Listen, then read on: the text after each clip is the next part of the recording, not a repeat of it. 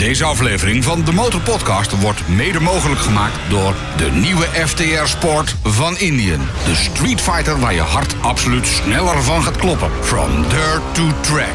De nieuwe FTR Sport van Indian. Check voor de details en een proefrit indianmotorcyclebenelux.com. indianmotorcyclebenelux.com. Motorpodcast. En je kan niet zeggen, ik ga nu even bij 40 graden onder nul even iets repareren. Voor mij is het zo, alles wat twee wielen heeft, vind ik eigenlijk best wel interessant om mee te rijden. Vooral gas blijven geven. Hij sprak geen woord buiten de deur, werkelijk helemaal niks, maar hij onderhandelde met eh, Nigerianen, met Oost-Duitsers, met Chinezen. Ja, voor elk probleem is er een oplossing. De Motorpodcast. Passie voor motoren. Met Dennis QC en Peter Kroon. Aflevering 83 van de nummer 1 podcast voor motorrijders en motorliefhebbers. Met daarin zo dadelijk twee gasten die op de motor hetzelfde hebben gedaan als wat James Bond in een auto heeft gedaan. Alleen bij hen was het geen filmtrucage, bij hen was het namelijk echt heel koud. Details zometeen hier in de Motorpodcast. Maar eerst even onze eigen motormomenten. Dennis, heb jij nog wat meegemaakt? Oeh, meegemaakt. Nou, ik heb een heerlijke rit gemaakt, een beetje door de Noordoostpolder. En ik moet zeggen, dat is me goed be- bevallen. Als je een dijkje wil rijden waar niet zoveel mensen komen en geen gezeur is... dan moet je eigenlijk de N67 rijden. Dat is de dijk tussen Kampen, Grafhorst en dan naar Muiden... en dan helemaal door naar, uh, naar Emmeloord uiteindelijk weer. Een heerlijke rit. En ik kreeg meteen een reactie van uh, Paul Romein. Die uh, had ik namelijk via Instagram aan de lijn. En die zei, ja, die Kamperzeedijk is echt een geweldige dijk. Hij rijdt hem dagelijks voor woon-werkverkeer. Een lekker stukje scheuren. Hou het wel binnen de perken, jongens. Een beetje netjes rijden. Maar die N67 kan ik je aanraden. Okay. En er is goed nieuws voor vrienden van de show. Okay. Want ben je vriend van de show, dan heb je waarschijnlijk al ontdekt... dat je de aflevering zonder reclame kan beluisteren. Dus als je nou denkt van ja, die reclame die ik zo nu en dan voor of na de podcast uh, hoor... Uh, die irriteert me een beetje. Ja, die hebben wij nodig omdat we de benzine en zo ook moeten betalen. En microfoons, noem maar op. Uh, word dan vriend van de show, want dan kun je helemaal reclamevrij naar ons luisteren. Okay. Heb jij nog wat meegemaakt? Ik heb ook nog wat meegemaakt. Ja, ik heb namelijk eventjes de Street Fighter uitgehangen. Kijk. Op mijn manier natuurlijk. Hè. Ja, ik heb een Street Fighter gereden dus eigenlijk. Hè. De nieuwe FTR van Indian. Ik ben heel benieuwd wat je ervan van vindt. Ja, het is een monster. Ja? Ja, het is echt fantastisch om er even een rondje mee te rijden. En het, het mooie is, dat, dat luisteraars van de Motorpodcast kunnen dat dus ook gaan doen. Hè. Via de website van Indian, uh, kun je, daar vind je alle details. Ik, ik ga er zo meteen ook nog even meer op in. En het grappige is, je kunt er zelfs eentje winnen. Een... Uh, een FTR Leup. Dat is ja. een speciaal gecustomized bike. Waarvan er uiteindelijk maar twee rondrijden op de hele wereld. En één daarvan zou zomaar bij jou in de garage kunnen belanden. Als je even gratis een proefrit gaat maken. Winnen is leuk, maar meedoen is nog veel leuker. Gewoon ja. even een ritje maken. Uh, Hoe en, makkelijk kan het zijn? En, er zit er nog meer aan. Bedoel, je kunt ook nog een, een rondje op het circuit met dat ding. Nou ja, alle details hoor je zo meteen. En ik wil zo ook weten wat jij ervan vond van die rit. Ja, nee, ik kan nu alvast zeggen, dat was, het is echt heel leuk speelgoed. Het is echt een, uh, zonder meer een aanrader, dus vandaar. De Motorpodcast. Achter het vizier van... Rob en Daphne de Jong. Goedenavond. Welkom. Welkom. Dankjewel. Dankjewel. Um, ja, de eerste vraag die wij eigenlijk altijd aan iedereen stellen is... Waar rijden jullie op? Oeh, dat Wie is gaat er als eerst? Uh, Dames nee, eerst. ja, dames eerst. Ja. Het is een moeilijke vraag. Want, eh, nou ja, we hebben er geloof ik 25 staan. 25? Maar mijn eerste motor was een SRX 600. Dat Even was bes- beschrijf Oeh, dat hem zegt even. mij helemaal een. SRX 600 eh, heeft een XT-blok. Dus wat we kennen van de Yamaha XT 600. Ja. En eh, is een klein fietsje. 150 kilo weegt hij. Hij heeft geen elektrische starter. Dus ik moest daar echt wel mijn mannetje staan. Ja. En dat eh, veroorzaakte wel menig leuk, vooral bij terrassen, wel leuke taferelen. Maar ik had zo mijn, zo mijn manier gevonden om hem in één keer te starten. Nou, ik moest hem namelijk twee keer langzaam naar beneden trappen en dan een kick geven. En je zag al vooral de mannen dan altijd kijken van... oh, dat gaat lukte niet niet, goed, dat lukte maar niet. dat lukte altijd wel. Ja, En, want je kan eh, ineens terugslag krijgen hè, met, met de Kickstarter. en dat kan best pijnlijk dus zijn. die SRX heeft een hele korte, eh, een korte kickstarter. Dus je hebt niet zo'n lange slag. En dan, als hij terug, een terugslag geeft, valt het wel mee. Maar door twee keer langzaam naar beneden te trappen, voorkwam ik. En er zat trouwens ook een, een extra hendeltje op om te om. eh, ehm, om de compressie eh, eruit Te te, regelen, ja, ja. Maar die heeft de garage inmiddels verlaten, denk ik. Ja, ja, ik rij momenteel eh, op een TDM. Maar ik rij ook op een 2,5 bijvoorbeeld. Een TTR 250. Daar rij ik veel mee onverhard. En, ehm, maar ja, TDM.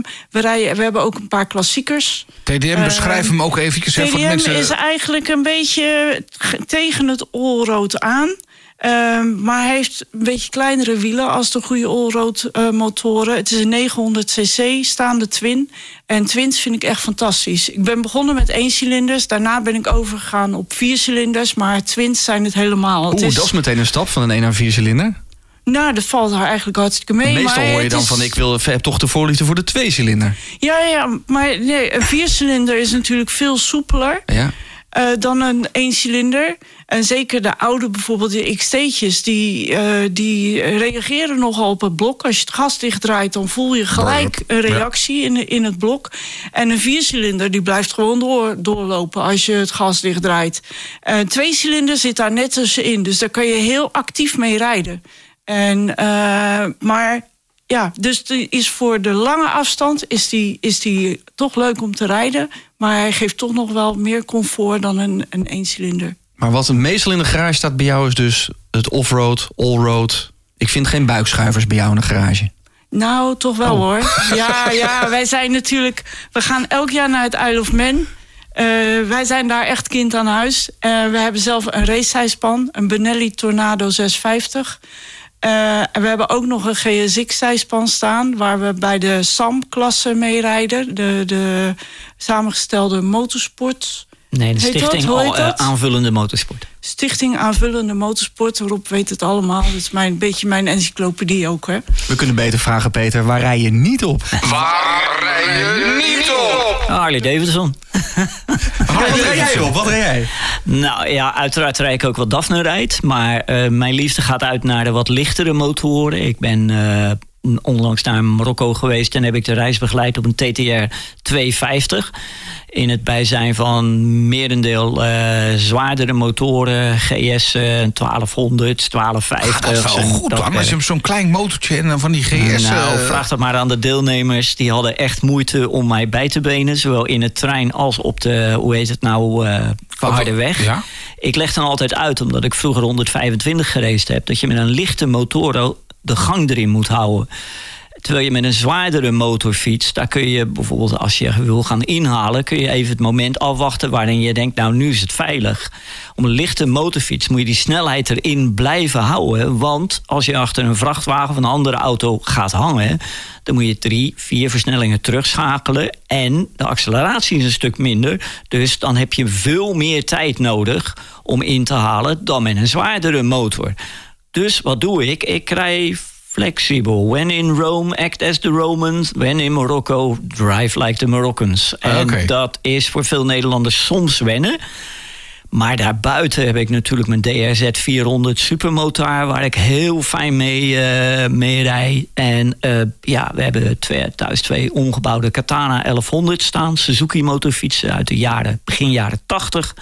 En met een hele eh, futuristische styling voor de jaren 80... En die heb ik helemaal omgebouwd. En dat vind ik ook geweldig om te rijden. Voor mij is het zo, alles wat twee wielen heeft... vind ik eigenlijk best wel interessant om mee te rijden. Ja, maar 25 motoren in een Ja. schuur, dat is toch Nou, wel... Er zitten er een paar Ja. in krat, hoor. Ja, ja, ook, nou, dat nog, maar eh, 25 stuks. Op een gegeven moment weet je toch niet meer waar je moet beginnen, waar je moet kiezen. Eh, jawel hoor, dat is... eh, Of, of heb je gewoon, Je is het net... er nooit genoeg hebben. Dat is waar, dat is waar. Ja, dat, dat is wel- Never sell, just add, hè? Of, of gebruik je het als kleding? Hoe, hoe je stemming is, hoe je bui is, eh, dat, eh, dat trek je aan. eh, daar ga je op rijden. Nou, het ligt er een beetje aan. Ik heb mijn, eh, mijn eerste motor heb ik, eh, heb ik weer thuis staan. Niet de eerste motor die ik heb gehad, maar wel exact hetzelfde type. Want de eerste motor van mij die is in vlammen opgegaan. Maar eh, de, dus de vergelijkbare, hetzelfde type, zelfde kleur, zelfde uitvoering, die heb ik thuis staan. En eh, we hebben nog van alles staan waar we onder andere de classic races meedoen, waar we mee naar evenementen gaan, et cetera. Maar de bedrijfsmotoren, ja, die hebben we net genoemd. De TTR 250, de DRZ en de eh, 900. 660. De Motorpodcast. je zei het al, bedrijfsmotoren, want jullie hebben een bedrijf. Een bedrijf voor reizen onder andere. Ja, we zijn, eh, en daarom kwamen wij natuurlijk hier om over al die mooie reizen te, te praten, te vertellen. En eh, ik had ook al gezegd, je hoeft er geen kwartje in te gooien. We gaan vanzelf van start. Ja, want wij kwamen elkaar op de motorbeurs tegen. Ja. Toen dacht ik, nou, als ik een microfoon bij me had gehad... had ik wel drie uur op kunnen nemen. Ja, precies, ja. Want eh, Rob en ik ontmoetten elkaar in 1990. En in 91 eh, besloten wij de wereld rond te gaan.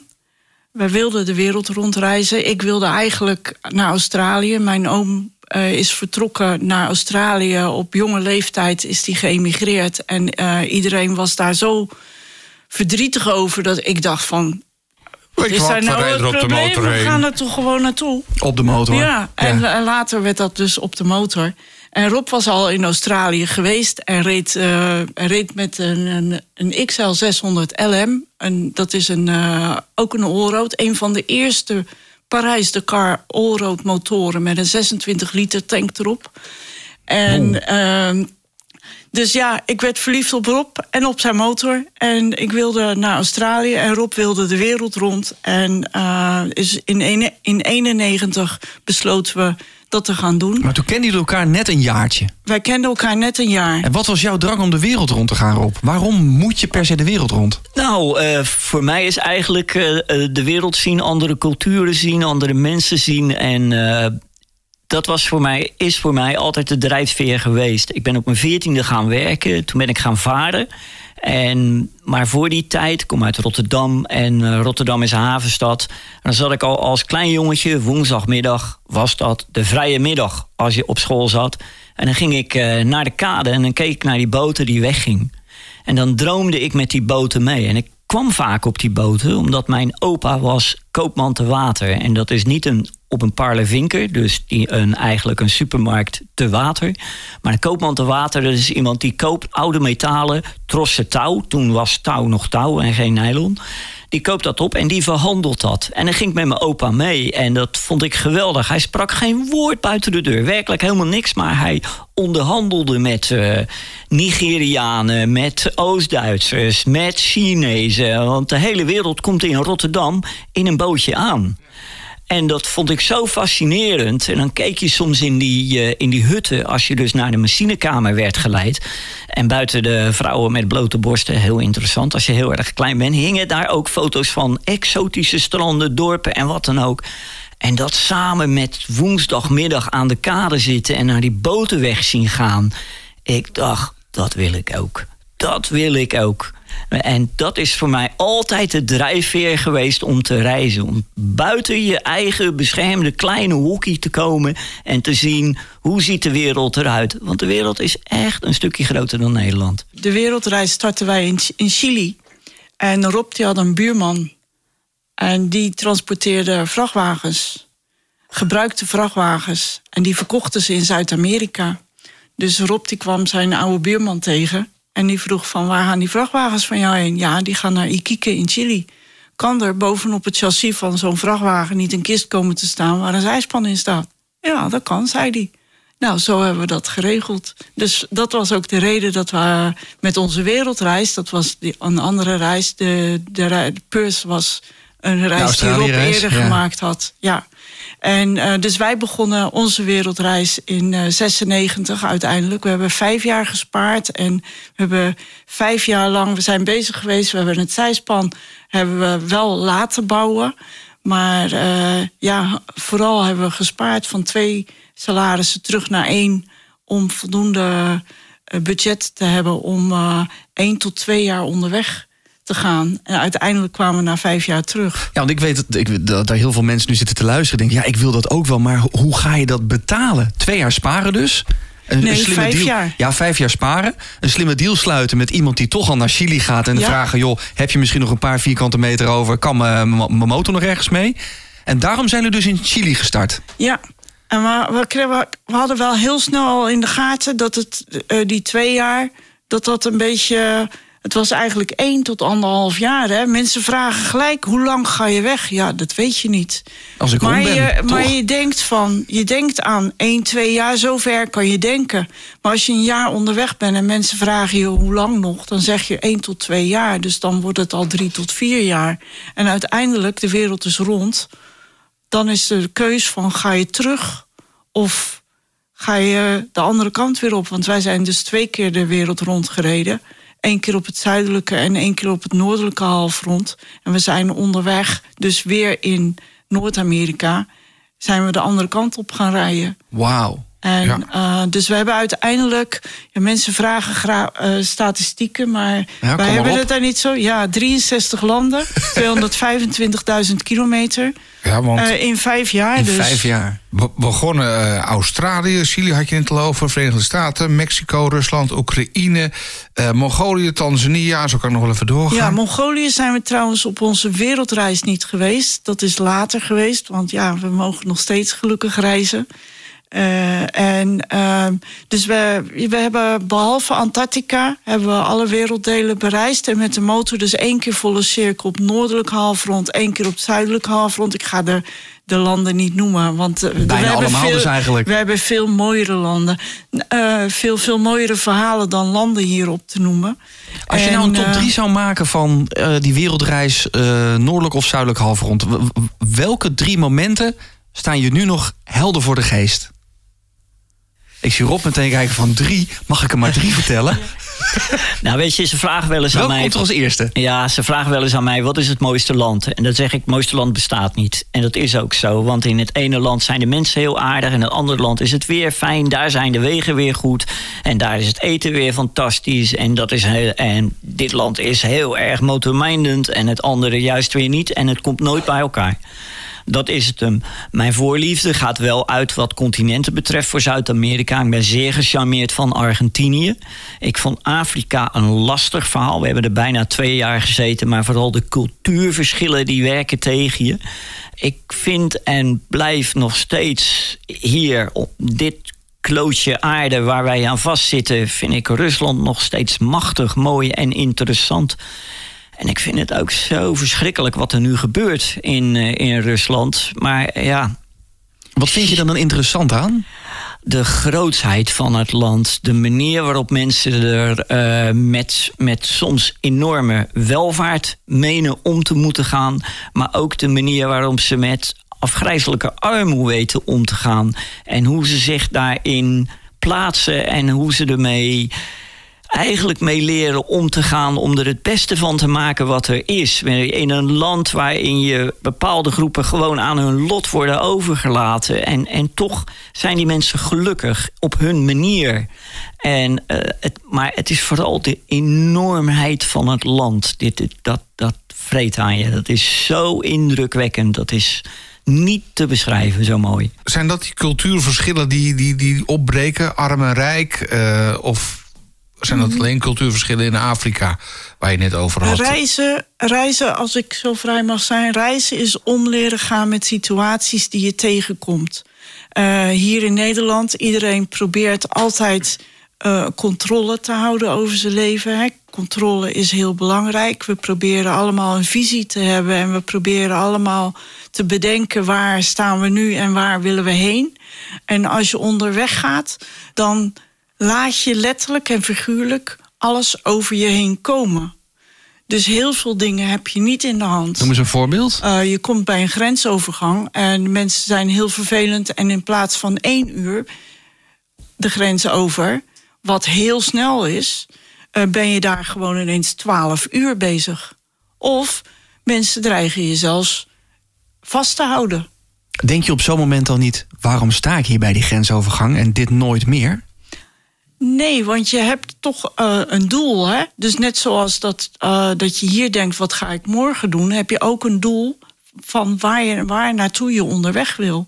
Dus uh, reizen is leren omgaan met alle situaties die je onderweg tegenkomt.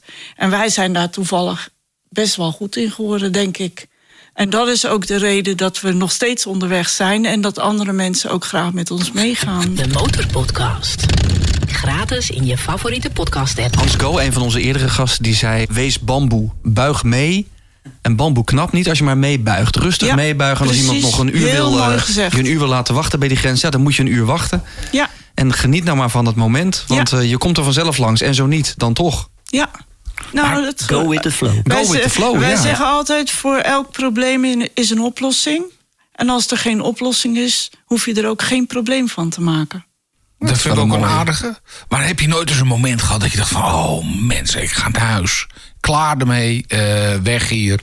Eh, pak het eerstvolgende vliegtuig terug. Ah nee, daar gaan we het niet over hebben. Nou, niet, tijdens, Nee. niet tijdens de wereldreis. Nee. Nee. Nee, nee, sterker nog, daar hadden we het echt zo het idee van... eh, we willen door blijven gaan. En eh, eigenlijk was 9-11 voor ons eh, de reden om terug te gaan naar huis. Want we zaten toen in Duitsland, waren op weg naar, eh, naar het Midden-Oosten. Ja, Oeh, we ja. zaten in Duitsland. En de, eigenlijk de Duitse vertegenwoordiger van het merk Zijspan waar we mee rijden... waar- daar bleven we in huis, die zei Rob, dit moet je even zien. En toen zie ik dus een vliegtuig een toren in, eh, ingaan. En Maar toen dat- dacht ik eerst van, hé, dat is een film of zo. Ja, maar dat was echt. Ja. En op dat moment besefte ons dat het wereldje wel ineens een heel stuk kleiner aan het worden was. En dat misschien geen goed idee was om naar het Midden-Oosten te rijden. Want ja, goed, we waren blank. We zijn nog steeds blank. Of wit. Ja. Wat je nou maar, ik zeg blank. Maar eh, dus we werden al heel snel, zouden we dan worden aangezien voor eh, eh, Amerikanen. En het leek ons op dat moment niet zo verstandig om daarheen te gaan. En toen zijn we eigenlijk naar het huis gegaan. Maar hebben eigenlijk aan de grens allebei gehuild. Niet van vreugde, maar meer van het feit dat het toen wel toch wel een beetje over was. Hebben jullie dat later wel weer ingehaald? Midden-Oosten? Ja, we zijn. eh, we hebben- Transatie hebben we gereden. Ja, en we hebben. In hoe heet het nou? 2019 nog. Ja, Eh, in 2019 hebben we nog, eh, dat was echt een fantastische reis. Vanaf Magadan, de Road of Bones. En dan de BAM-route. Eh, dat is een, over een, een In welk land zitten we nu? We zitten nu in Rusland. Rusland, Ja. Oost-Siberië. Ja, je vroeg net van, eh, wat is je, je favoriete plek? Ja? Eh, en we houden allemaal ontzettend van Zuid-Amerika. Maar Oost- Oost-Siberië is fantastisch. Oost-Siberië Oost-Siberië. Dan ja. zit je bijna tegen... Baikalmeer. Ja, hè, Baikalmeer. eh, we, Daar hebben, refereerde jij aan, dat die stunt van eh we hebben het. Baikalmeer. Ja, we hebben het op het Baikalmeer gereden op het ijs. En ehm, het kwam zo. Wij gingen tijdens onze wereldreis kwamen wij vanuit Amerika gingen wij via Japan terug naar Rusland. En eh, over cultuurschok. Dat was wel een beetje tijdens de wereldreis de grootste cultuurschok. Op de cultuurschok na die we kregen toen we vanuit Mexico Amerika binnenreden. Want dan heb je andere kant op ook een cultuurschok. Ja. Als je de hele tijd in Zuid-Amerika hebt gezeten en je komt dan Amerika binnen met zijn McDonald's luxe en, enzovoort. en gere- eh, alles geregeld en ja, geordend. dat was zo saai. We wilden gelijk weer omkeren en teruggaan. Maar toen wij dus vanuit Japan, waar alle mensen met witte handschoentjes onze mo- motor op het dek van die boot laden. En, eh, en die Russen met, eh, op, op teenslippers rondliepen met korte broeken en eh, de handschoenen die in de broekband gestoken waren. Die werkt op die boot. En toen we dus in Rusland aankwamen, toen gingen we, vertrokken we uit Vladivostok. Maar de weg de Trans-Siberië-weg was nog niet klaar. En vanaf een plaats die heet Blagoveshensk, dat ligt vlak voorbij Gabarovsk, ehm, in het oosten, ehm, tot aan Shilka, dat is in de buurt van Irkutsk. En Irkutsk ligt aan de zuidkant van het Baikalmeer. Eh, daar was de weg niet klaar. Dus het was een onverharde trek. Dat was niet zo'n probleem. Maar het probleem waren alle rivierdoorwadingen die je mo- zou moeten doen. En eh, wat niet te doen was. En de mensen die wij spraken, die zeiden allemaal: je moet met de motor op de trein. Nou, wij gingen van, eh, van de een eh, kantoor naar het station, naar een perron, naar mensen die ons de weg wezen. En wij spraken toen nog geen Russisch, nu wel, maar Ja. toen niet. En wij ontmoetten iemand die sprak Engels. En die heeft voor ons op papier, heb ik toen gevraagd... kun je op papier schrijven wat wij nodig hebben in het Russisch? Dan kunnen we dat aan mensen Aan laten zien. papierwerk en dat soort vergunningen. Nee, gewoon van wij, hebben, wij moeten met de motor op de trein Ja. naar Shilka. Kunnen jullie ons helpen? Dus allerlei mensen gingen toen aan het werk om ons te helpen. Toen hebben we nog een nacht op de perron geslapen met die mensen samen. Want er waren heel veel mensen daar bezig om dat te regelen. En uiteindelijk kwamen we op een, in een postwagon. Ehm, kon onze motor mee in een postwagon. Hebben we nog met een heleboel mensen een hut gedeeld. Dat was ontzettend leuk. En wij reden door dat landschap. En wij zagen iedere keer stukjes weg. En dan zei je, oh, we willen de, de trein uit. We willen rijden. maar dan was daar weer een rivier waar je doorheen moest. En daar kon je niet doorheen. En die mensen die, die ook in die trein zaten met auto's... dat is een zijderoute. Die kopen ze dan in Japan. Vroeger kochten ze in Japan, nu kopen ze ze in Vladivostok. En ze brengen die auto's naar huis en verkopen ze daar. Mhm. En daarmee voorzien ze in hun levensonderhoud. En die mensen zeiden, ja, maar in de winter is het echt veel makkelijker... want in de winter zijn al die rivieren bevroren... en rijden we gewoon over het ijs. En toen zei je, wauw, wij moeten hier terug in de winter. Wij gaan ook over het ijs rijden. Jeetje, wat een verhaal zeg. Eh, Rob en Daphne, we praten zometeen verder met jullie hier in de Motorpodcast. Maar we gaan eerst even naar de proefrit. Wil je nog meer horen van onze gasten? Word dan vriend van de Motorpodcast. Kijk op demotorpodcast.nl. Zo, nou hier begint dan officieel mijn proefrit op de nieuwe Indian FTR. De man van Indian is hier al bij de Motorpodcast geweest met een gloednieuw exemplaar. En natuurlijk zei hij dat het een geweldig apparaat is. Alleen, nou ben ik een klein beetje van eerst zien, dan zelf proberen. En dan misschien geloven. Dus ik heb een proefrit geregeld en vandaag ga ik gewoon eventjes helemaal los op de nieuwe FTR van Indian. Ja, en het gaat hier natuurlijk om een gratis proefrit. En ook jij als motorpodcast-luisteraar kan gratis zo'n proefrit gaan maken op een nieuwe Indian FTR. Het enige wat je daarvoor moet doen is even naar de website gaan van Indian. IndianMotorcycleBenelux.com IndianMotorcycleBenelux.com. We zetten het ook even in de show notes, kan je het makkelijk terugvinden. En daar regel je eventjes, boek je eventjes een, ehm, een proefrit. Het mooie is, je maakt dan ook nog eens een keer kans op mooie prijzen. Bijvoorbeeld, en dat is niet zomaar een prijsje, nee, een nieuwe Indian FTR Leup.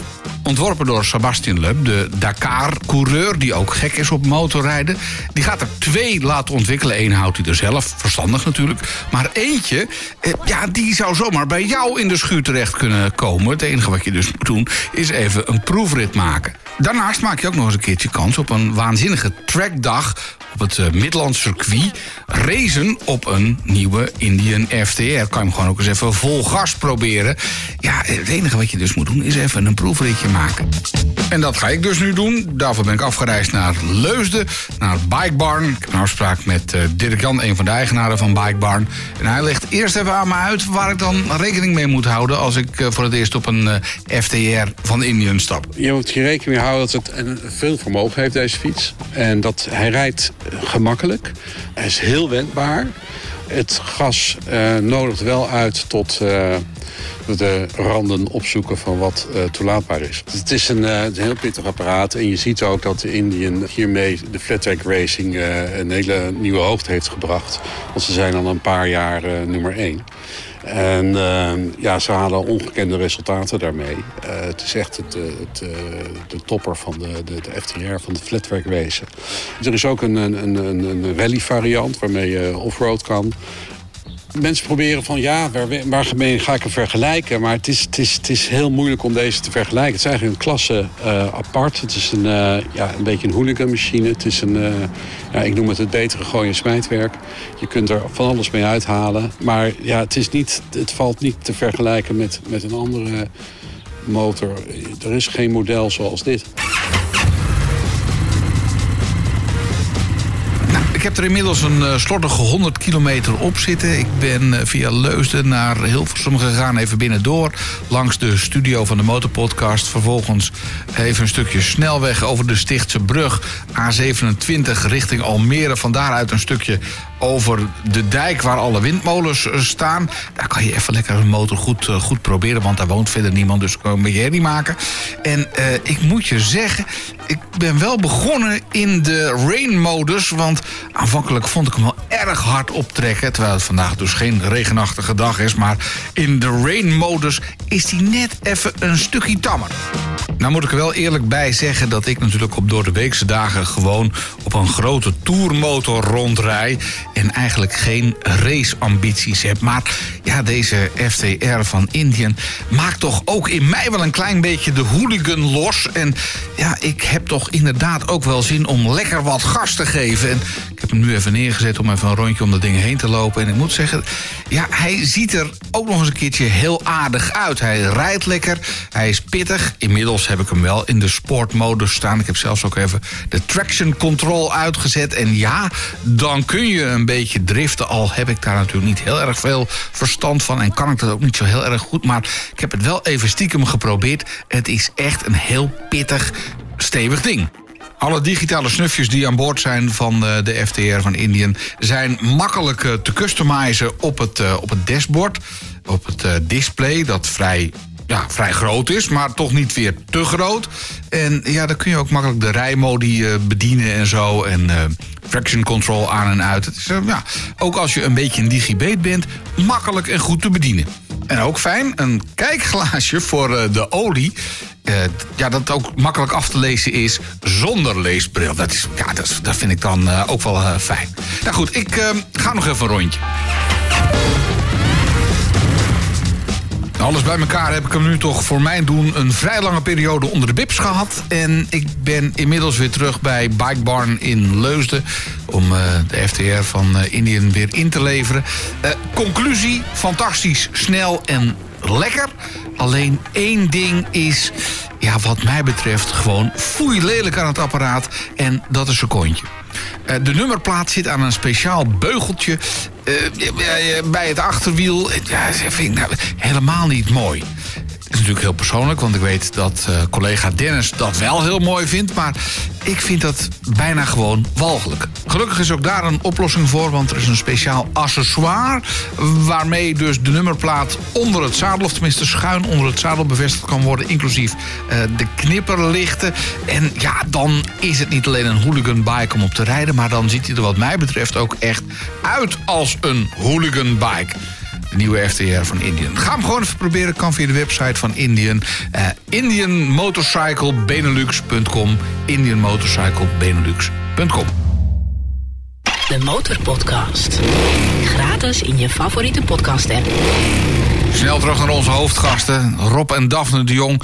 over hun wereldreis die hen onder andere bracht naar Siberië. Waar de meeste motorrijders in de winter lekker binnen gaan zitten bij de open haard... gaan jullie lekker naar Siberië? Ja, het was 48 graden onder nul. Oké. Okay. wacht even, uh, Siberië, dat, dat is toch eigenlijk een strafkamp? Daar willen mensen toch niet heen? Nou, je moet Rusland eigenlijk onderverdelen in drie, drie stukken. En dat is Europees Rusland, dat loopt tot uh, Jekaterinburg.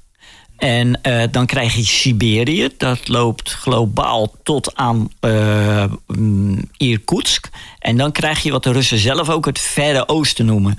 Maar wij gooien alles op één hoop. We hebben dus Moskou. En Moskou is Europees uh, Rusland. En alles daarna is Siberië tot aan eigenlijk de Beringzee toe. Maar dat is niet helemaal waar. Siberië is echt het middelste gedeelte van Rusland.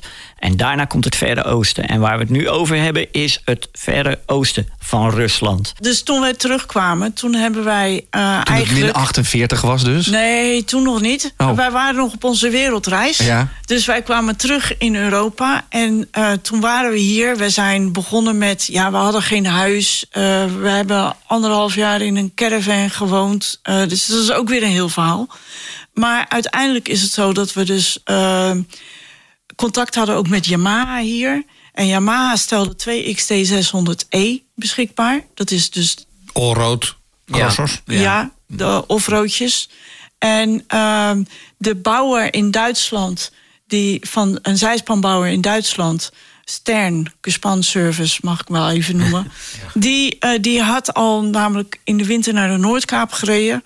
En die hadden we ook ontmoet en uh, nou, die, die zag het al helemaal zitten. Dus wij gingen aan één XT600E een zijspan bouwen. Mm -hmm. En we gingen een constructie maken dat we die andere XT600E aan dat zijspan vast konden bouwen. Zodat we eigenlijk een vijfwiel, een tweewiel aangedreven vijfwieler hadden. Waarvan we het derde wiel de vering helemaal los konden draaien, zodat het eigenlijk loos meedraaide, dat wiel.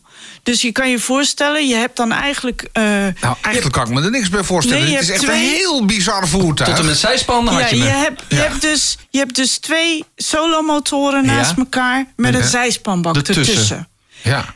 En het wiel van dat zijspan kan je dan zodanig losdraaien Ja, dat die vering helemaal los is. ja.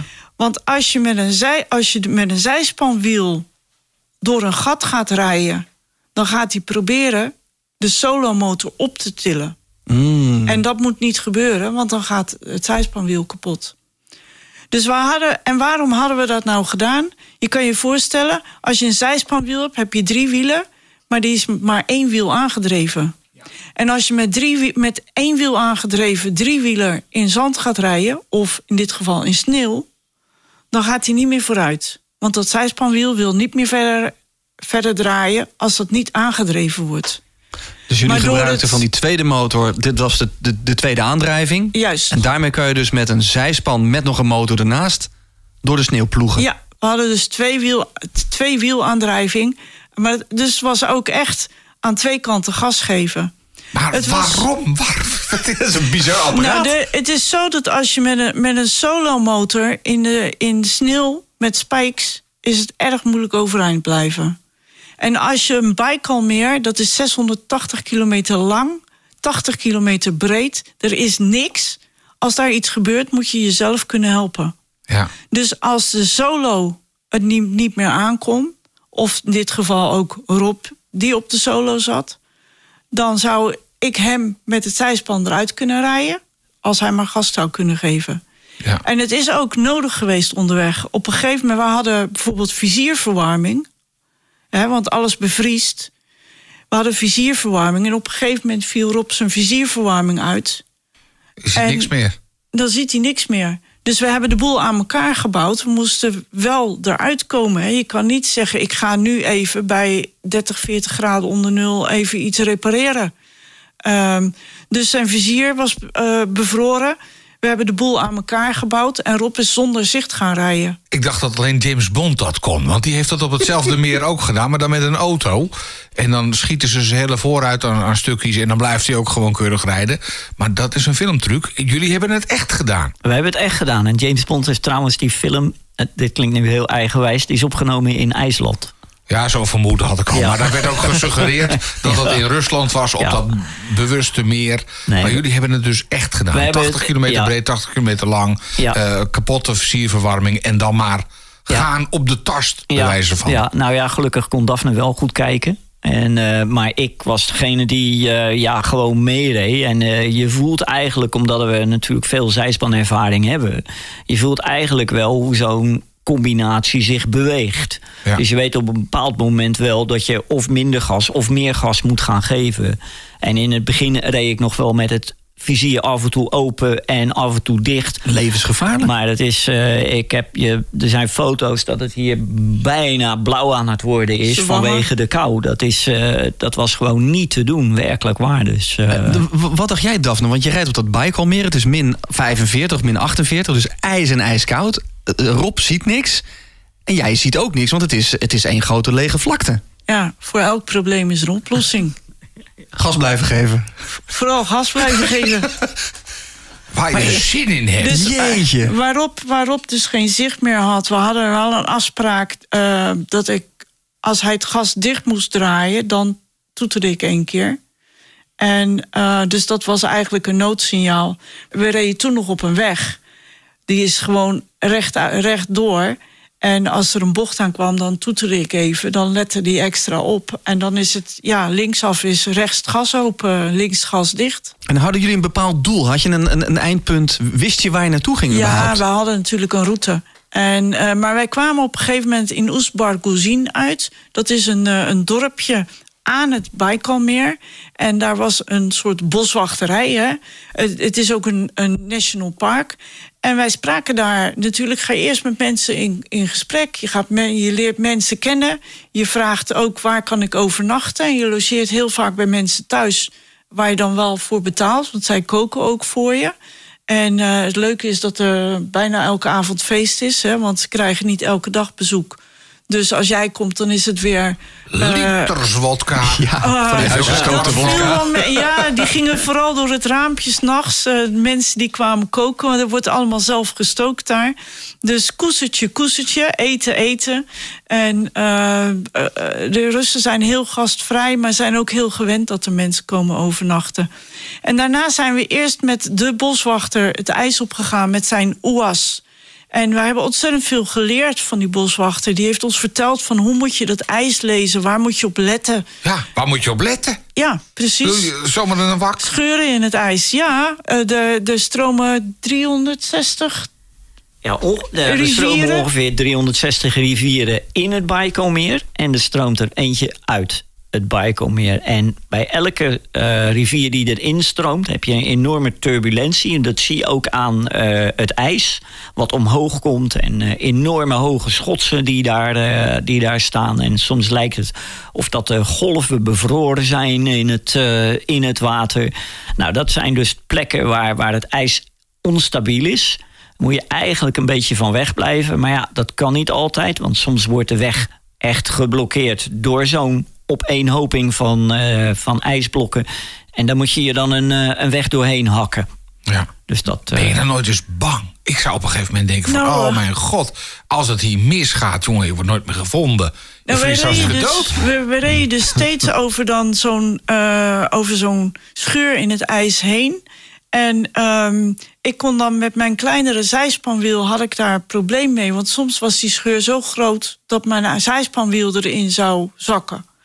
Dus, uh, en dat is dan gewoon open water. Dus we hadden uit Oesbargozin, uit de sauna, hadden we een paar planken meegekregen. Die konden we dan daar overheen leggen. Dan konden we met het zijspan er overheen rijden. Maar Rob met de solo, die, uh, met, we hadden spijkerbanden, hè.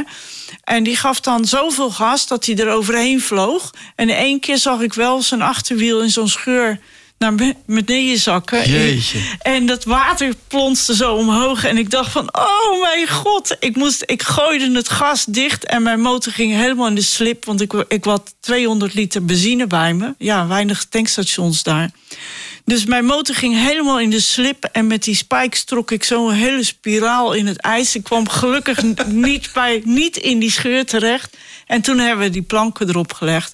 Maar in het, we moesten eerst een stuk naar het noorden voordat we het meer over konden steken. Omdat we hadden met die boswachter, of de ijswachter, hadden we allemaal gaten in het ijs gemaakt om de dikte van het ijs te meten. En hoe, hoe dik zei, is het dan? Uh, nou, het was 15, nog 20 centimeter? Dun. Ja, het was relatief het was relatief dun. Want eigenlijk in februari, nou wij waren er uh, ja, begin januari. In februari dan kan de dikte van het ijs tot 2 meter zijn. Maar uh, toen wij er waren was het 15 centimeter. En dat is eigenlijk, dat is prima voor een Elfstedentocht hier. Maar dat is toch een beetje aan de matige kant als je daar met een auto of met een uh, combinatie overheen wil rijden. Ja, met dus, 200 liter, dus ook kilo benzine. Ja, ja, ja, ja, ja, ja. Wij reden op een gegeven moment toen wij het meer over gingen rijden, kwamen we een stuk terug wat we black ice noemen. Dat is eigenlijk, zie je dan niet meer dat het ijs is. Het is een grote zwarte massa. Spiegel. En het is ja, een spiegel. En we reden toen een meter of honderd van elkaar verwijderd. We waren losgekoppeld van elkaar, want dat, dat ging daar gewoon prima. En toen zagen we eigenlijk het ijs meegolven met ons. Mm. En dat is wel een dingetje geweest. Toen dacht ik van nou, ik moet maar niet stoppen hier zo. Want uh, is het heel uh, ja, ja, we gingen steeds harder rijden. We gingen inderdaad moment... steeds harder rijden, ja. Ja, ja. Totdat je weer in de buurt van het vasteland komt eigenlijk. En daar wordt het ijs dan ook weer dikker. En dan kun je weer wat rustiger rijden. Maar dat is eigenlijk het enige moment geweest dat ik dacht van... oeh, nou moet er niks gebeuren, want... Uh, dan ben je, dan ik ben je had me van alles voorgenomen. Ik had gedacht van ik ga alleen maar rijden waar anderen ook gereden hebben. Maar, ja, maar er rijden niet zoveel maar, mensen over het Baikal meer, nou, denk ik. Eh, op dat moment nog niet. We kwamen een uh, man tegen in een, uh, met een Lada Niva. Die vroeg aan ons... Iedereen die we tegenkwamen, die vroeg... hoe is het ijs, waar komen jullie vandaan? Want uh, ongeveer drie maanden zijn de mensen rond het ijs... rond het meer van de bewoonde wereld afgesloten. In de zomermaanden kunnen ze... of als het, het, het meer uh, gewoon water is, kunnen ze met de boot. Maar in de tijd dat het ijs, totdat het ijs dik genoeg is, kunnen ze dan niet meer weg. Nee. Eh, dus ze wachten allemaal tot het ijs dik genoeg is, tot ze er met de auto overheen kunnen, konden. En overal waar wij kwamen vroegen de mensen langs het meer van kunnen we al, waar komen jullie vandaan en hoe dik is het ijs? En, en hoe koud is het, vroegen ze altijd. Hè? De Motorpodcast. Hoe maak je dan je route? Want een TomTom zal het daar niet doen. Dan heb je gewoon een over het Bijkalmeer. Weet ik veel. Nou ja, goed, de route is, is eigenlijk verschrikkelijk simpel. Je rijdt naar het noorden. Daarna Kompas. steek je, eh, ga je linksaf naar het eh, westen. Totdat je het, het vasteland weer ziet. En dan ga je weer linksaf en dan ga je naar het zuiden. Dat, Maar dat doe je dus op is- kompas of op zicht? Ja, Op nee, zicht. we hadden een van Nee. de eerste GPS'en Ja, bij ons. Maar het probleem is, in die kou is het alles bevriest. Hè? Dus daar zit zo'n LCD-schermpje in. En Doet dat bevriest. Nee. De batterijen die zijn zo leeg. Dus ik had, maar we hadden onze jaszakken vol. En we hadden dan batterijen in de jaszakken. En we hadden eh, een afspraak dat we één keer per dag of twee keer per dag. We hadden een satelliettelefoon bij ons. En eh, één keer per dag belden we onze coördinaten door waar we waren. En gaven we aan welke kant we op aan het rijden waren. En we hadden dus met de, met de boswachter ook afgesproken... we rijden tot, langs de kant naar het noorden tot die rivier. En daar hadden we, dat konden we dan ook op het GPS zien. En dan gaan we de oversteek maken eh, naar Sebro-Baikalsk... aan het noorden van het meer. En zo hebben we dus ook, ook gereden. Maar we, we belden elke dag onze, onze coördinaten door. En dat deden we aan drie punten. Eh, Eentje in Irkutsk, Oezbagozin en een punt in Nederland. Dat als er van ons geen eh, bericht meer zou komen... dan moesten ze toch ons wel komen zoeken. Een vermoeden dat je ongeveer in die hoek zou zitten. Juist, ja. Nou, we hadden dus onze oranje helmen op. Hè. Dus mensen, luisteraars, als je knaloranje helmen voorbij ziet komen... dan zijn wij het. Rob en Daphne. Ja, en eh, dat is dus ook op het ijs eh, begonnen. Hè. Wij wilden graag kleur op het ijs hebben. En dat is de reden dat wij met oranje helmen rijden. Dus we zijn goed zichtbaar. Ja, ik heb ze gezien op de motorbeurs. Ze stonden er mooi, eh, mooi bij. We gaan het zo meteen nog hebben over eh, de, de kennis van eh, het Russisch. Want daar ben ik ook wel benieuwd naar. Want dat helpt volgens mij enorm. Maar laten we eerst even naar de post gaan. De Motorpodcast. De nummer 1 podcast voor motorrijders en motorliefhebbers. De post. Een vraag van een luisteraar om daarmee te beginnen, Peter. Eh, Randy Hen vraagt zich af, waar bestaat jouw ideale dagtrip uit? Op de motor. Wat een moeilijke vraag. Nou ja, Nou, in ieder, mee. in ieder geval een stukje natuur vind ik altijd wel heel erg fijn Ja? om even te pakken. Veluwe, graag. Eh, maar toch ook een stukje snelweg. Vind ik Waarom lekker, die hoor. snelweg? Nou, dan heb ik de hele tijd gekronkeld. En dan denk ik van, nou, nou wil ik even gas geven. Gewoon even, even Oh, ja. door, even Ja. gas. Dat, dat, dat, dat, dat maakt het vrij ideaal dan. Nou, voor mij is de ideale dagtrip eh, van tevoren een beetje een route uitstippelen. Met de Kalimoto dan in mijn geval. En of alleen of met één of twee vrienden een stuk gaan rijden. Ik vind de, de, de polder recht toe recht aan vind ik echt niks. Weet je, die, die N-wegen waar je eigenlijk 80 mag of 100. En dan een beetje de kronkelversies ervan. Dat is een beetje mijn, eh, mijn lekkere tour... Toerdag. Reactie van Abel van der Maas op de aflevering met Ivanka. Die schrijft: Als ik oud genoeg was, zou ik die les boeken. Ik denk dat Abel refereert aan de, de puppyogen cursus van Ivanka. Ja.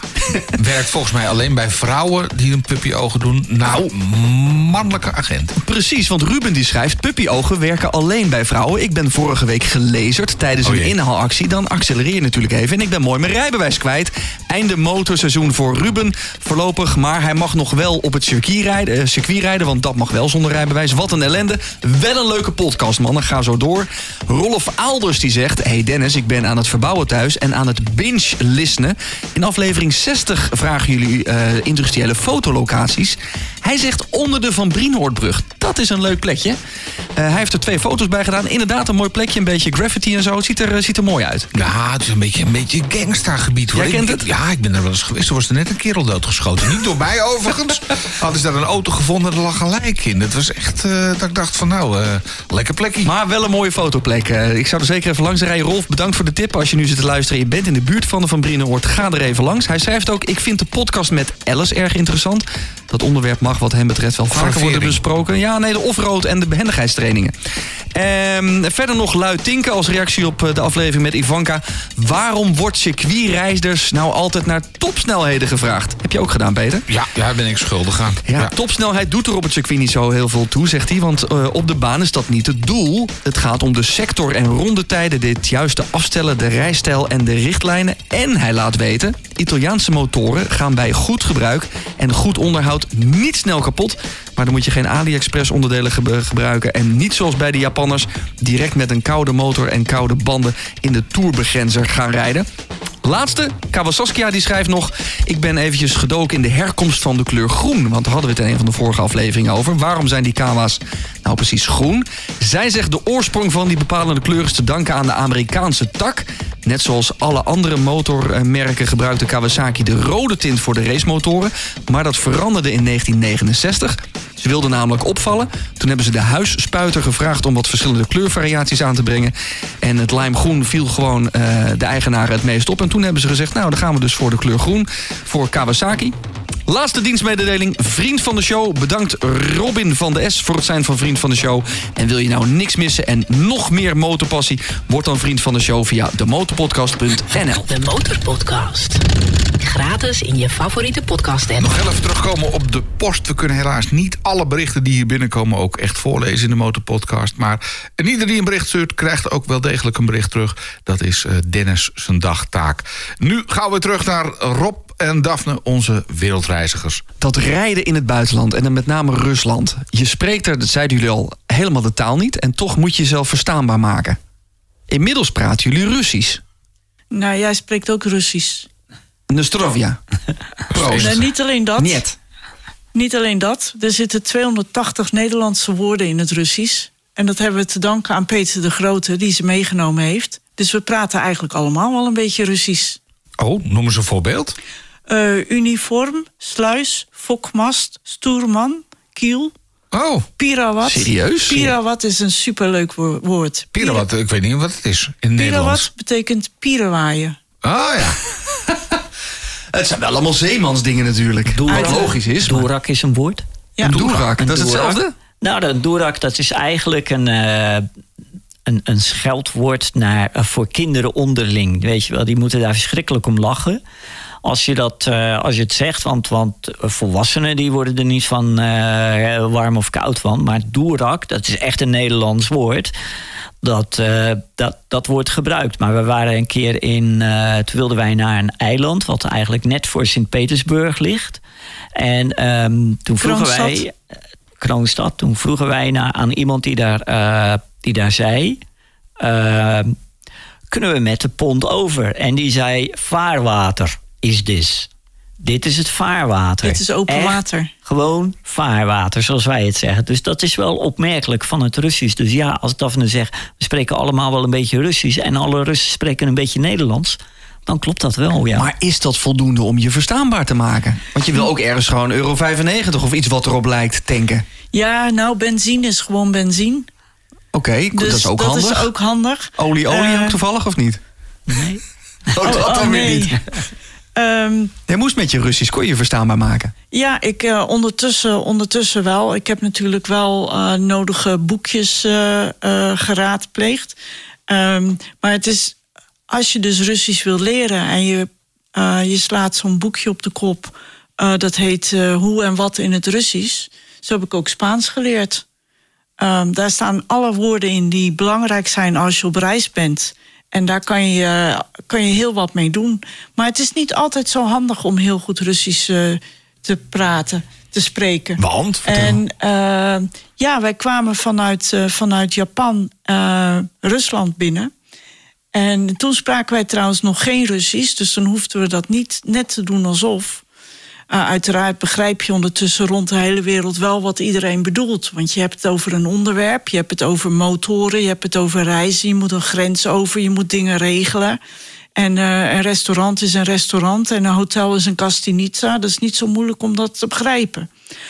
Dus, uh, maar als je nu de, uh, het land binnen wil met je motor, onze motor ging in quarantaine. En je moet dat dan regelen. Dus wij gingen naar, in, naar de customs, hè, de, de douane.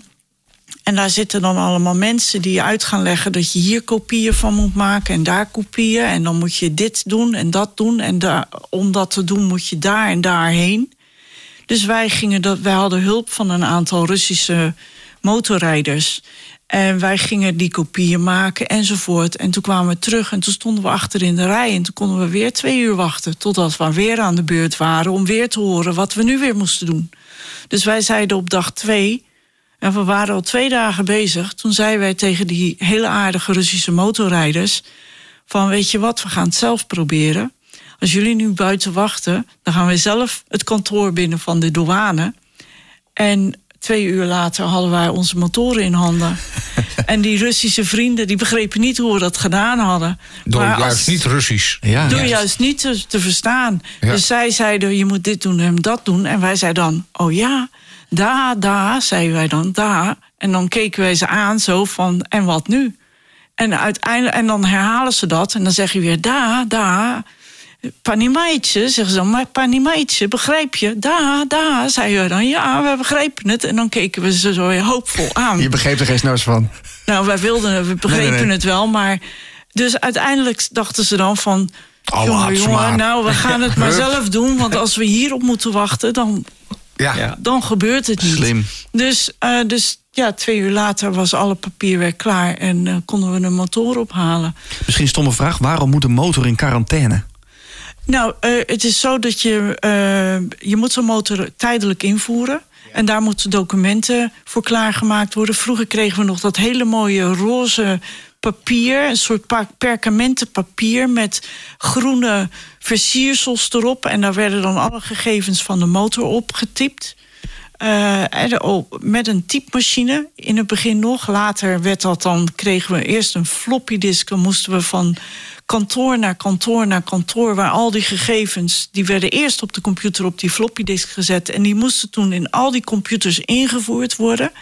En als dat dan allemaal gebeurd werd... dan kwam uiteindelijk uit de printer nog steeds dat mooie roze en groene pa- papier... wat je tijdelijke invoerbewijs is voor je motor in Rusland... En eh, ondertussen is het gewoon een, een printje op een sticker wat op een formulier wordt geplakt. Nog steeds dat oude formulier wat je nog steeds in moet vullen. Maar het verandert steeds een beetje. We zijn jarenlang echt ieder jaar eh, naar Rusland geweest. We hebben trouwens ook heel veel door de Oekraïne gereisd. Dat doet ons echt heel erg zeer wat daar gebeurt. We hebben vrienden over en weer in beide landen die allemaal eh, boos, verdrietig. eh, je kan het, wij kunnen het niet begrijpen, want wij hebben nooit een oorlog meegemaakt. Wel, we zijn wel heel dichtbij geweest, ehm, ook in Afrika, maar. ehm, dus dat is heel, eh, heel verdrietig. We proberen handen vast te houden van mensen. Kijk verder, kijk verder. Verlies elkaar niet uit het oog. We zijn allemaal motorrijders, allemaal motorreizigers. En eh, laten we elkaar vasthouden en als het weer kan, weer opzoeken. Ja. Eh, Rusland, Oekraïne, ja, we hebben nog lang niet alles gehad. Gelukkig hebben we zo meteen nog een nabrander met jullie. Speciaal voor vrienden. Daar gaan we het zeker nog een keer over Rusland hebben. Waarom jullie eh, begonnen zijn met een eh, zijspan. Wil ik ook nog even van je weten. Maar ook jullie organiseren dit soort spannende reizen voor andere mensen. Ja, dat klopt. Laten we dat, laten we dat ook even nu nog even aantippen. Zodat de luisteraars van de Motorpodcast zelf ook een idee hebben van als je dat wil doen, eh, dan moet je bij Rob en Daphne zijn. Nou ja, wij zijn toen we terugkwamen, zaten we een beetje in een. eh, dan kom je een beetje in een. eh, ja, leeg vat terecht. Hè. Wat nu? Een gat. eh, Oh, god. ja, echt een gat. En ik ben toen eh, bij eh Motorport Cellum gaan werken in de werkplaats. Maar als je vijf jaar rond de wereld hebt eh, gereisd... en je hebt van alles meegemaakt en gezien en wat dan ook... en je staat dan in zo'n werkplaats... maar ventjes van 18 jaar het alleen maar over neuken en lekkere wijven hebben... en je luistert naar de meest afgrijzelijke kutmuziek die er is... en wat dan ook, terwijl in jouw kop... weet je nou, alles door elkaar aan het waaien is... van wat je meegemaakt hebt. Nou, dat is geen succes. Nee. Ik ga nog steeds heel goed met die jongens om. Dus, eh, maar na een half uur, jaartje waren we het er al over eens dat dit geen eh, blijvertje zou worden. En toen met een TIA-voorstelling die wij toen nog eh, regelmatig gaven, kwam de eigenaar van Motorport langs. En die zag op een gegeven moment het beeld van Mama F. Koergan, wat op Heuvel 102 in uh, Volgograd staat, het voormalige Stalingrad. Ten nagedachtenis van de verschrikkelijke slag die daar geleverd is. En die zei tegen mij: ik heen. Kun jij dat organiseren? Als je op wereldreis bent geweest en je hebt vijf jaar van alles geprobeerd om overtochten geregeld te krijgen, dan zeg je overal ja tegen. Dus ik zei ja hoor, geen probleem. Hij zegt prima. Hij zegt ga ik klanten regelen, organiseer jij die reis. En toen ging hij weg en toen dacht ik, hoe de fuck, hoe moet ik dat nou doen? Maar, uh, Was je opeens reisleider? Wel, is, uh, maar daar ben je heel snel overheen. Dus je gaat op een gegeven moment organiseren. En zo is eigenlijk Rijden Motortours begonnen met uh, reizen naar Rusland. Omdat daar onze liefde ook wel ligt. Maar we hebben ook andere reizen aangepakt. We hebben rond de wereldreis georganiseerd. We zijn al diverse malen naar Iran geweest. We zijn naar Nepal geweest. We hebben Marokko gedaan. En uiteraard Isle of Man. Ja, dat is, ik heb vroeger zelf een wegreizen gedaan. Daphne en ik rijden nu nog steeds met een klassiek zijspan rijden we uh, races. En ja, dus, dus dat is langzaam is het gegroeid tot wat we nu zijn. Ja. In 2002 gingen we met 14 man naar de Isle of Man TT. En vorig jaar waren het er 350. Wow. Wat een organisatie, joh. Ja, ja, dus ja, het is een fulltime uh, baan. Hè. We zijn gewoon echt... Maar je weet hoe het gaat als je met je passie bezig bent. Ja, dan, dan kost het uh, weinig moeite. Kost het weinig moeite. En uh, het is zo ontzettend fijn en leuk om te doen. Wij zijn dus afgelopen jaar met een groep van Alaska naar Vuurland gereden. Dat gaan we in 25 weer doen. En we willen eigenlijk wel weer van Magadan terug over land naar huis. En dat gaat dan dus Oost-Siberië, Mongolië en dan door Centraal-Azië ook Pamir Highway. Uh, en dan willen we Oezbekistan, uh, Turkmenistan uh, door Iran. we zijn bezig om een nieuwe reis overland naar Nepal te organiseren voor volgend jaar. Dat hebben we ook al twee keer eerder gedaan, overland naar Nepal. Maar zijn we een tijdje niet meer geweest. En dat komt gewoon omdat we eigenlijk te veel reizen hebben en te weinig tijd. Er zijn ja. te weinig dagen in het jaar om alle reizen die we, die we doen, uh, gedaan hebben, weer willen doen. Uh, die anderen graag willen doen, om uh, die ook te rijden. Want we begeleiden alles zelf. Dus we zijn met z'n tweeën. En voorwaarde nummer één van een reis is dat we zelf mee mogen. Omdat we gewoon veel te graag onderweg zijn. Ja. Dus als ik naar ride-onmotortours.com ga en ik boek een reis, dan gaat altijd één van twee of gaan jullie allebei mee? Soms uh, samen, maar meestal doen we. Rob die is net naar Marokko geweest. Ik ga dadelijk naar Roemenië uh, voor twee weken. Dat zijn korte reizen, vinden wij. Oké, okay, ja, dat zijn korte reizen. ja, ja, want uh, Alaska Vuurland is 130 dagen. Ja, daar moet je wel eventjes op voorbereid zijn. Ja, en, uh, vandaar dat we nu al bezig zijn met de planning voor 2025. Nou komt deze podcast live half april 2023. Wat is dan nu de eerste reis waarop je nog zou kunnen intekenen... als we met jullie op avontuur willen? Eigenlijk Australië. Uh, ik heb net eigenlijk... We, doen, we sluiten nooit de inschrijving. Want we zeggen als we het nog kunnen organiseren, doen we het. Maar ik heb eigenlijk voor, voor Australië... Moeten we de inschrijving op 30 april sluiten. Want 30 april vertrek ik naar Roemenië. En dan daarna krijg ik het, is de organisatie zo lastig om nog iemand extra mee te nemen. Maar we gaan dus naar Australië. We gaan van Perth naar Darwin rijden met een groep ontzettend leuk. Um, uh, mensen die we al uh, kennen van eerdere reizen. Dus dat wordt gewoon een fantastische reis. En het is voor de eerste keer dat we met huurmotoren gaan rijden. Want wij transporteren altijd eigenlijk de motoren. Maar naar Australië is te ver, te kostbaar. Uiteindelijk was het beter om te huren. Hartstikke weer. Voor, voor ieder probleem een oplossing, uh, toch? Uh, Rob en Daphne, we zijn helaas door de tijd heen. Zometeen hebben we gelukkig nog een uitgebreide nabrander met jullie. Speciaal voor vrienden van de Motorpodcast. Een vriend van de Motorpodcast word je via de motorpodcast.nl. Alle gegevens over jullie reizen zijn ook terug te vinden online. ride-on motortools.com. Ride-on motortools.com. We zetten het ook eventjes in de show notes. En dan is het uiteindelijk allemaal makkelijk terug te vinden. Nou, ik vind het een mooie afsluiting van deze aflevering van de Motorpodcast. Met al die geweldige herinneringen in jullie fotodatabase, je fotografisch geheugen. Denk ik dat jullie uh, absoluut een goed besluit hebben genomen. Blijf vooral nog even zitten, Rob en Daphne. Want uh, ik wil ook nog wel eventjes weten of het echt mogelijk is om op Antarctica überhaupt motor te rijden. En of je ooit spijt hebt gehad of dat je er bent bij die droom die je ooit had toen je als jongetje in die haven van Rotterdam stond. Of die, of die droom echt helemaal waarheid is geworden. En we hebben voor jullie ook nog als bedankje voor de komst naar de studio van de Motorpodcast een handige vizierreiner gezet. Want die moeten jullie natuurlijk ook wel schoonmaken. De handige vizierreiniger van handigschoonmaken.nl. Je hebt geluisterd naar aflevering 83 van de nummer 1 podcast voor motorrijders en motorliefhebbers. Vind je deze podcast leuk? Deel hem dan met andere motorrijders die je kent en luister je via Spotify. Druk dan op volgen, want dan krijg je automatisch een seintje bij de volgende aflevering.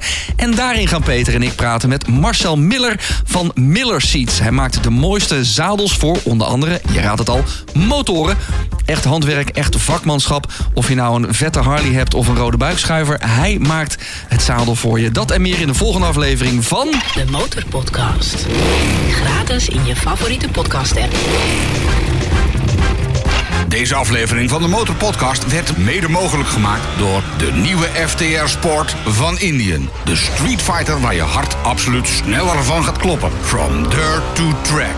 De nieuwe FTR Sport van Indian. Check voor de details en een proefrit indianmotorcyclebenelux.com. Indianmotorcyclebenelux.com